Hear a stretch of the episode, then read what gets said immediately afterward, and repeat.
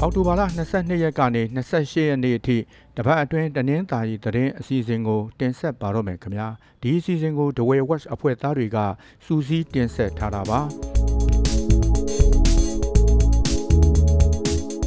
ရိုးရာတပိတ်မျောပွဲတော်လုံးမဲ့ဒဝဲကန်းနာလန်းကတဲစိတ်နာမှာအောက်တိုဘာလ25ရက်နေ့ကဘုံပေါက်ခဲ့ပါတယ်။ပေါက်ကွဲမှုကမပြင်းထန်တဲ့အတွက်အနီးနားနေသူအချို့တောင်မတိလိုက်ရဘူးလို့ဆိုပါတယ်။ ပေါက်ကွဲမှုဖြစ်ပြီးနောက်မှာတော့အဲ့ဒီနေရာကတရားနာကိုစစ်ကောင်စီတပ်သားတွေရောက်လာတယ်လို့ဆိုပါတယ်။အခုဆိုရင်တပိတ်မျောပွဲကျင်းပမဲ့ဒဝဲကန်းနာလန်သဲကွင်းနေရာအနီးတစ်ဝိုက်မှာအဝေးထိန်းစနစ်နဲ့ဖောက်ခွဲတိုက်ခိုက်တာကိုကာကွယ်ဖို့စစ်ကောင်စီတပ်ကဂျမ်မာလို့ခေါ်တဲ့ဆက်သွယ်ရေးလိုင်းဖြတ်ဆက်တွေတပ်ဆင်ထားတယ်လို့မြို့ခံတွေကပြောပါတယ်ဒီလိုမျိုးဂျမ်မာတွေတပ်ထားတဲ့အတွက်ကန်းနာလန်နဲ့အနီးတစ်ဝိုက်မှာဖုန်းလိုင်းနဲ့ Wi-Fi လိုင်းတွေ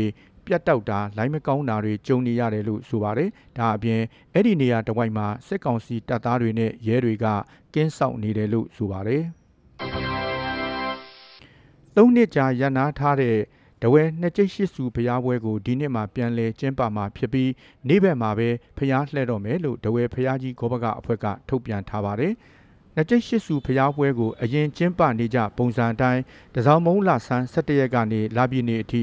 ဖျားကြီးဝင်းအတွင်း9ရက်ကြာကျင်းပမယ်လို့ဆိုပါတယ်။ဒါပေမဲ့ဈေးဆိုင်ခန်းတွေပျော်ပွဲရွှင်ပွဲတွေနဲ့ဇက်ပွဲတွေတော့မလုပ်ဘူးလို့ဆိုပါတယ်။ဒီနှစ်ကျင်းပမဲ့ဖျားပွဲက132ကြိမ်မြောက်ဖြစ်ပြီးဖျားရုပ်ပွားတော်တွေကိုတစောင်းမုံလာဆန်း14ရက်မနေ့9နာရီကစပြီးတဝဲမျိုးထဲမှာလှည့်လည်အပူဇော်ခံမယ်လို့ဆိုပါတယ်အရင်ကဆိုရင်နှစ်ကျစ်ရှိစုဖျားတွေညခင်းဘက်အချိန်မှာပဲဒဝဲမျိုးအတွင်းလှည့်လည်အပူဇော်ခံလိရှိတာပါ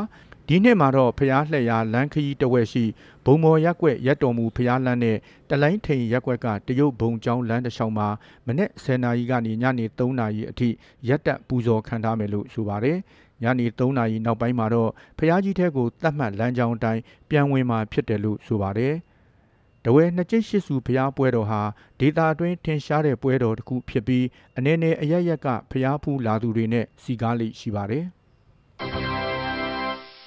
တဝဲမြို့ကျက်စားပြင်ရက်ွက်ရှိအောင်တခွန်၅ဈေးအသစ်ရဲ့ခေါင်မိုးပေါ်အော်တိုဘာလ23ရက်နေ့နေ့လယ်က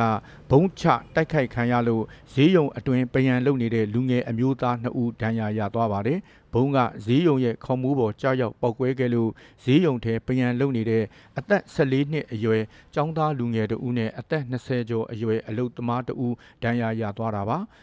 အသက်14နှစ်အရွယ်ចောင်းသားကတည်င်းကျွတ်ចောင်းပိတ်လို့ပယံဝင်လုံနေတာဖြစ်ပြီးညာဘက်ဂျိုင်းအောက်နဲ့ပခုံးမှာဒဏ်ရာရသွားတာလို့ဆိုပါတယ်။ အဲ့ဒီငါးစီးကိုဘယ်အဖွဲ့ကဘယ်လိုအကြောင်းရင်းကြောင့်တိုက်ခိုက်ခဲ့တယ်ဆိုတာကိုတော့မသိရသေးပါဘူး။တဝဲမြို့အစွန်ရှိအဲ့ဒီငါးစီးဟာပြီးခဲ့တဲ့နှစ်ဧပြီလကတိစောက်ထားတာဖြစ်ပြီးစိုင်ခန်းခဈေးကြီးတာဈေးတယ်တွေကိုစိုင်ခန်းအတင်းအကျပ်ဝယ်ယူခိုင်းတာတွေရှိတယ်ဆိုပြီးဒေတာခန်တွေအကြားဝေဖန်မှုတွေရှိနေတာပါ။အောင်တခွန်ငါးစီးရဲ့လူမှုကွန်ရက်မှာတော့ဒီလိုမျိုးစိုင်ခန်းကိုအတင်းအကျပ်ဝယ်ယူခိုင်းတာမျိုးလုံးဝမဟုတ်ဘူးလို့ရေးသားထားပါတယ်။ တဝယ်မြို့နယ်မှာစစ်ကောင်စီကကတ်တက်ထားတဲ့ညမထွက်ရအချိန်ကိုအောက်တိုဘာလ28ရက်နေ့ကစပြီးရှော့ချလိုက်ပါတယ်။ညမထွက်ရအချိန်ကိုအရင်ကည10နာရီကနေမနက်4နာရီအထိသတ်မှတ်ထားရာကည7နာရီကနေမနက်3နာရီအထိပြောင်းလဲသတ်မှတ်လိုက်တာပါ။ဒီလိုမျိုးအချိန်ရှော့ချပြောင်းလဲသတ်မှတ်လိုက်တဲ့အကြောင်းကိုဒဝဲမျိုးအတွင်းလှည့်လည်ကြီးညာနေတဲ့အပြင်စီပင်သားယာဈေးကြီးနဲ့ကားဂိတ်တွေမှာလည်းလော့စပီကာနဲ့လိုက်អော်နေတယ်လို့ဆိုပါတယ်။ အခုလိုညမထွက်ရအချိန်လျှော့ချလိုက်ပေမဲ့စစ်ကောင်စီတပ်သားတွေကပြစ်ခတ်ဖမ်းဆီးစစ်ဆေးတာတွေလုပ်လေရှိတဲ့အတွက်မြို့ခံတွေကညဘက်မထွက်ကြတော့ဘူးလို့ဆိုပါတယ်တဝဲအရှိတော်ဒေတာမှာ KNU တပ်မဟာ၄နဲ့ကော်တူးလီတပ်မတော်တို့နှစ်ရက်ဇက်တိုက်ပြစ်ခတ်မှုဖြစ်ပွားခဲ့ပါတယ်။အော်တိုဘာလ20ရက်နေ့မနေ့ကကထောင်းနီရွာနာမှာပြစ်ခတ်မှုဖြစ်ပြီးနောက်တရက်မနေ့မှာလည်းကလစ်ကြီးရွာဟောင်းနေရာမှာထပ်ဖြစ်ခဲ့တယ်လို့ဆိုပါတယ်။ ဒီလိုမျိုးပြစ်ခတ်မှုဖြစ်လို့ထိခိုက်မှုရှိတယ်လို့ကြားသိရပေမဲ့အခြေအနေအသေးစိတ်ကိုတော့မသိရသေးဘူးလို့ဆိုပါတယ်။နှစ်ဖက်တပ်ဖွဲ့တာဝန်ရှိသူတွေကလည်းနှစ်ဖက်ပြစ်ခတ်မှုဖြစ်တဲ့အကြောင်းကိုအတည်ပြုပြောဆိုပါတယ်။တဝဲအရှိတော်ဒေတာမှာ KNU တပ်မဟာလေးလက်အောက်ခံ KNLA တပ်တွေနဲ့ဘို LQ ခေါင်းဆောင်တဲ့ KTLA တပ်ဖွဲ့တို့အကြားမကြေလဲမှုတွေရှိခဲ့ပြီးပြစ်ခတ်တက်ခိုက်မှုတွေခက်ဆစ်ဆစ်ရှိနေတာပါ။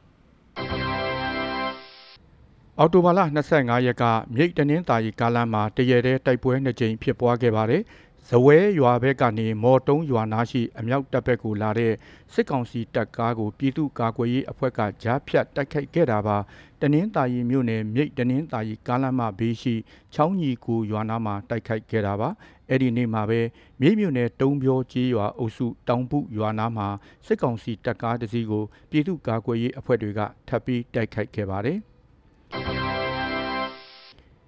မြိတ်မြို့နယ်ထဲပြီးခဲ့တဲ့ရက်ပိုင်းကဖြစ်ပွားတဲ့တိုက်ပွဲနှစ်ကြိမ်အတွင်းကရင်အမျိုးသားကာကွယ်ရေးအဖွဲ့ KNDO ကရဲဘော်တို့ကြာဆုံးသွားပါတယ်။အော်တိုဘာလ20နဲ့21ရက်နေ့ကတုံးပြောရွာနဲ့ငကြအင်းရွာဟောင်းမှာကရင်အမျိုးသားကာကွယ်ရေးအဖွဲ့ KNDO အပါအဝင်ပြည်သူ့ကာကွယ်ရေးမဟာမိတ်တပ်တွေနဲ့စစ်ကောင်စီတပ်တို့တိုက်ပွဲဖြစ်ပွားခဲ့တာပါ။တိုက်ပွဲမှာကရင်အမျိုးသားကာကွယ်ရေးအဖွဲ့ကရဲဘော်တို့ကြာဆုံးပြီးမဟာမိတ်ပူးပေါင်းတပ်ကရဲဘော်2ဦးဒဏ်ရာရသွားတယ်လို့ဆိုပါတယ်။ တုံးပြောကြီးရွာကစစ်ကောင်စီစခန်းကိုဝင်ရောက်တိုက်ခိုက်ခြင်းစစ်ကောင်စီတပ်သား73ဦးသေဆုံးပြီး6ဦးဒဏ်ရာရခဲ့တယ်လို့ဆိုပါတယ်။ငရအင်းရွာတိုက်ပွဲမှာလည်းစစ်ကောင်စီတပ်သား20ဦးသေဆုံးသွားတယ်လို့မြိတ်ပကဖာကထုတ်ပြန်ထားပါတယ်။စစ်ကောင်စီတပ်သားတွေထိခိုက်သေဆုံးတာနဲ့ပတ်သက်ပြီးတီးခြားအတီးမပြုတ်နိုင်သေးပါဘူး။ ပလောမှာဒီရီတော်ဧကတထောင်ကျော်ကိုကျိုးပြင်ကာကွယ်တော်သတ်မှတ်လိုက်လို့ဒေသခံတွေလောက်ကင်စားတော့ဖို့အခက်တွေ့လာပါတယ်။ပြင်ပူကြီးကျွန်းပေါ်ကဒီရီတော်တွေကိုကျိုးပြင်ကာကွယ်တော်အဖြစ်သတ်မှတ်လိုက်တယ်လို့စစ်ကောင်စီကထုတ်ပြန်ထားပါတယ်။ကျိုးပြင်ကာကွယ်တော်သတ်မှတ်လိုက်တဲ့ပြင်ပူကြီးကျွန်းပေါ်မှာဒီရီတော်ကိုမိခိုပြီးအသက်မွေးဝမ်းကြောင်းလုပ်နေရတဲ့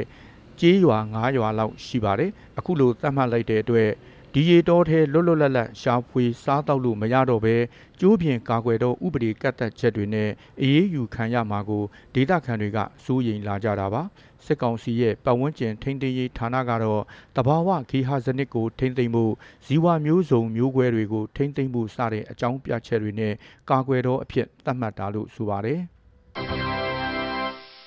ရေဖြူမျိုးနယ်ပရဒတ်ရွာမှာနေအိမ်မီးရှို့ခံရတဲ့ပြပုံထဲရုပ်အလောင်း၃လောင်းတွေ့ရှိခဲ့ပါတယ်။အော်တိုဘာလ25ရက်နေ့ကအဲ့ဒီရွာထဲကိုစစ်ကောင်စီတပ်စစ်ကြောင်းဝင်ရောက်လာပြီးနေအိမ်၃ဆောင်ထဲမင်းဲကိုမီးရှို့ဖျက်ဆီးခဲ့တယ်လို့ဆိုပါတယ်။နောက်တရက်မှာတော့မီးရှို့ခံရတဲ့နေအိမ်ပြပုံတွေထဲက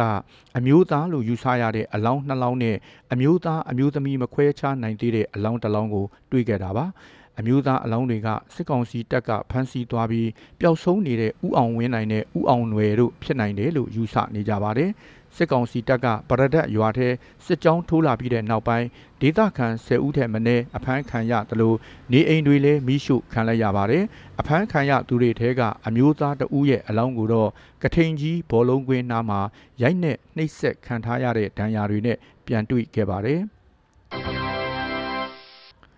တရချောင်းမြို့နယ်ထဲကရငဲရွာမှာပြစ်ခတ်မှုဖြစ်ပြီးဒေသကာကွယ်ရေးတပ်ဖွဲ့ဝင်2ဦးနဲ့အရသား2ဦးတေဆုံးသွားပါတယ်။အော်တိုဘာလ22ရက်မနေ့က